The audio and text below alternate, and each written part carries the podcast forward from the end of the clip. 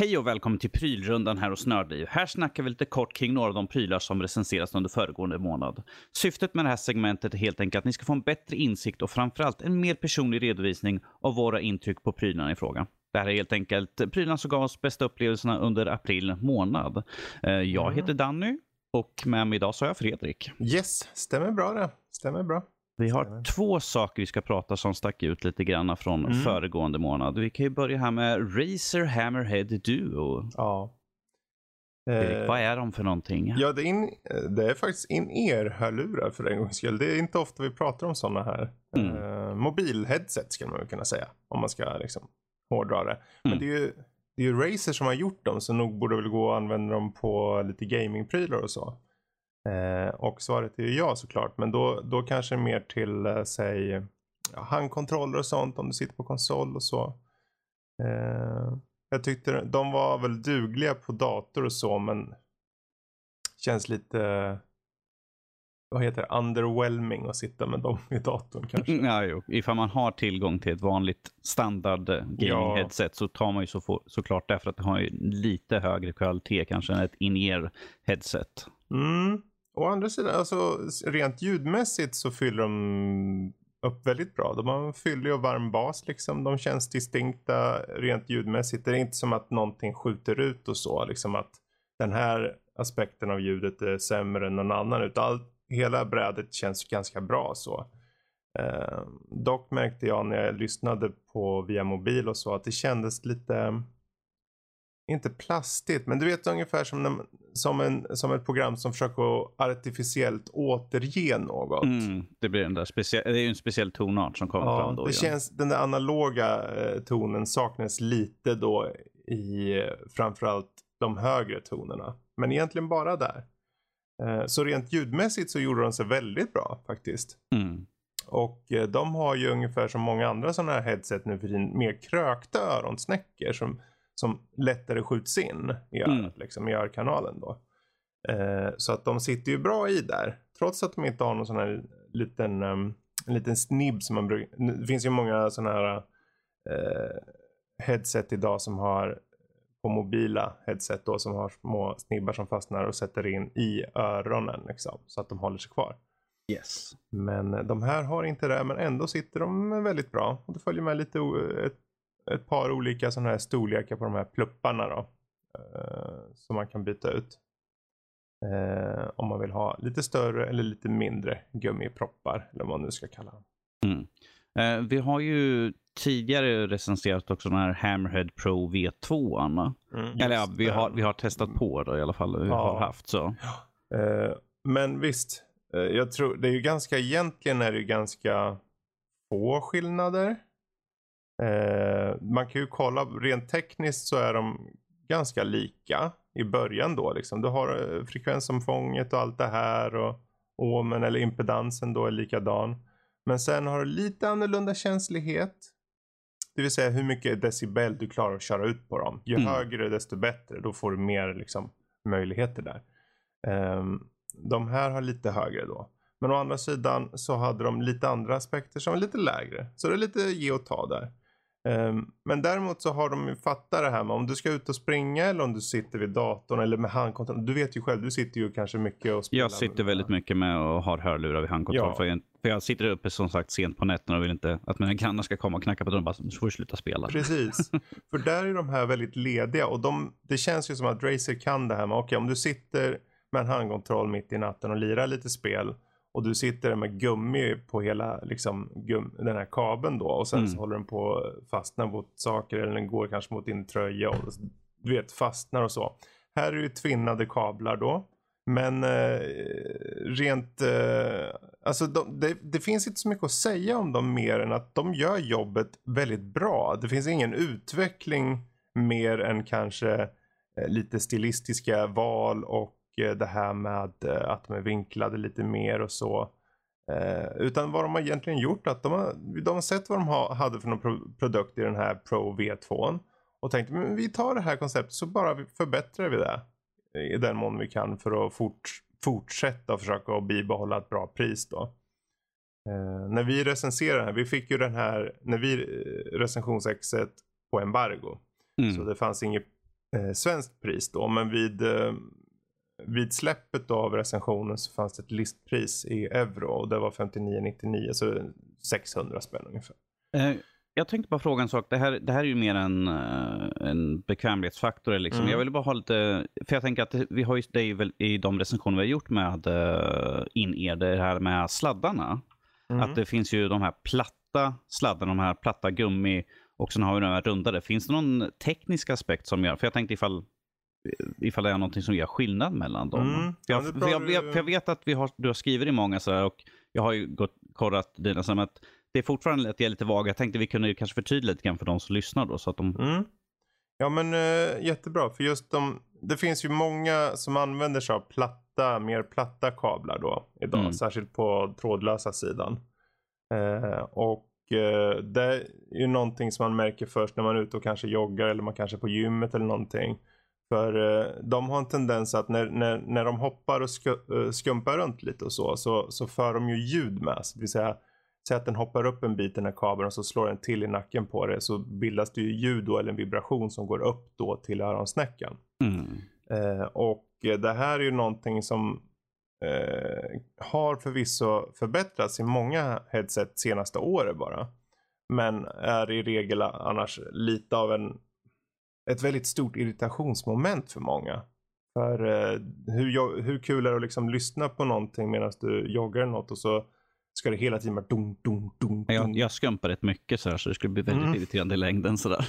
Ja, men det är där vi kommer in på de här då. För de gick ju andra vägen. De, de förstod ju uppenbarligen det här med att ja, eh, platta kablar är kanske något vi ska gå förbi. Så de här är ju tillbaka på klassisk tunna kablar.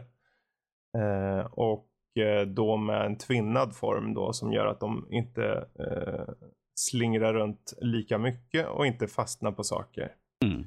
Så på det sättet så tycker jag att det, det är rätt väg och jag tror att eh, om man, om man inte har trådlösa, om man har som i det här fallet trådade, då ska man helst ha just så som de har det här med tvinnade kablar. Mm. Ja, men det låter riktigt bra ju sådär. Mm. Jag, får, kan, jag får testa någon gång sådär helt enkelt. Absolut. Det, det var ett bra köp, helt klart. Helt om klart man ett bra köp. ett sånt eh, typ av headset. Yes, och även ifall eh, kanske ljudet var acceptabelt på den här Mm. så tänkte jag att vi tar och hoppar över till nästa sak som vi ska ta upp den här gången. Och det är ju faktiskt en mikrofon. Det är Precis. Blue, Blues Ember mikrofon. Den, den har ett litet säreget utseende. Den sticker ut ganska bra från de andra mikrofonerna vi har. Mm. Eh, ja, den är, det, eh, Blue har själva tagit lite av ett språng med den här kände jag. När, när jag fick den. Först som du var inne på nu, utseendet. Den är ju Mm. ganska avlång, smal mikrofon. Eh, och nästan lite shotgun-liknande. Men eh, ljudmässigt så håller den sig och framförallt prismässigt så håller den sig förvånansvärt bra måste jag säga. Vi, kan, vi kanske ska slänga in att det är, det är en XLR-mikrofon också. Så. Ja, precis. Och eh, till skillnad från många av deras andra mikrofoner, för der, Blues nej, förmodligen med kändaste mikrofonen är Blue Yeti. Mm. Och det är ju en sån här mikrofon som många använder och den är en USB-mikrofon då. Eh, så den kan du pl- plugga rakt in i datorn. Men eh, där skiljer sig ju den här då uppenbarligen i och med att det är XLR som många använder till exempel om man spelar i band och så. Eh, I replokaler och allt vad det må vara.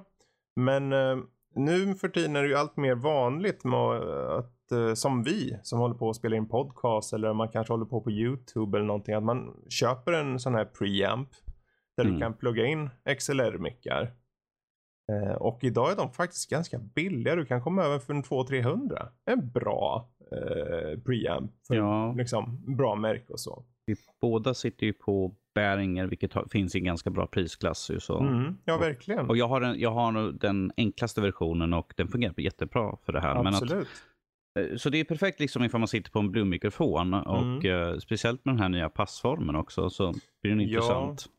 Det, Ja. för, för alla, om vi tar en standardmodell på en eh, mikrofon är den här lite korta, lite tjockare varianten Mm. ifall vi inte tar Blue Yeti och de som är liksom en rundad form. Men att standardformen är liksom en liten kortare, stubbig Mm. sak medan det här är en liksom avlång. Den, Mhm. den sticker ut och den har estetiskt tilltalande kan jag ju säga i alla fall. Så. Ja, men vad kul att du säger det. För den, visst, jag kan tänka mig att många så här puritaner vill ha den här tjocka klassiska mik- mikrofonformen liksom. Mm. Det känns eh, kul att se att de laborerar lite med det. Inte för att den här designen kanske är superunik egentligen, för det finns ju många i en liknande eh, utseende då. Eh, men eh, Blue har inte haft någon i det här prissegmentet tidigare.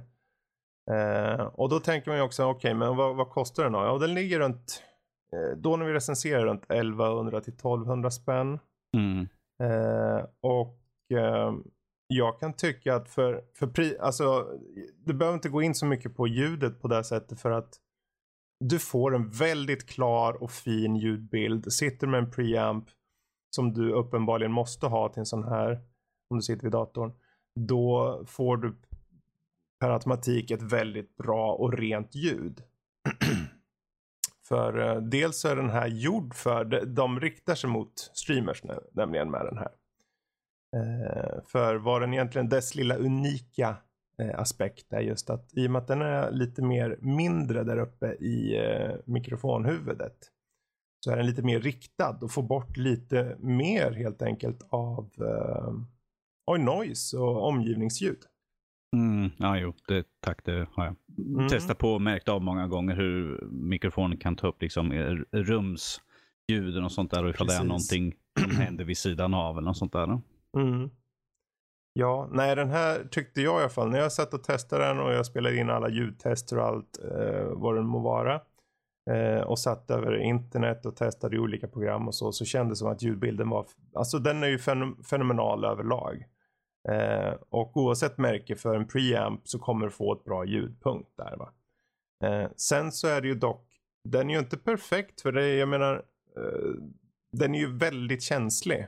Mm. I och med att den är, du behöver vara lite närmre då. I och med att den då tar bort lite av, av, av uh, mil, din miljö så, liksom ljud.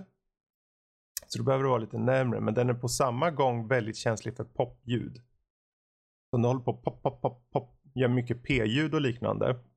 Då, då må, alltså du måste ha ett popfilter på den här. Uh, måste du. För den är väldigt riktad också. Så du måste mm. vara både lite närmre väldigt rakt på för den är bara eh, framifrån, alltså på samma sida som loggan är. Eh, och eh, se till att det inte poppar för mycket.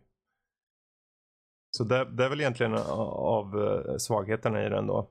Eh, även om det är en eh, lyxsvaghet kanske man skulle säga. Ja, jo, precis.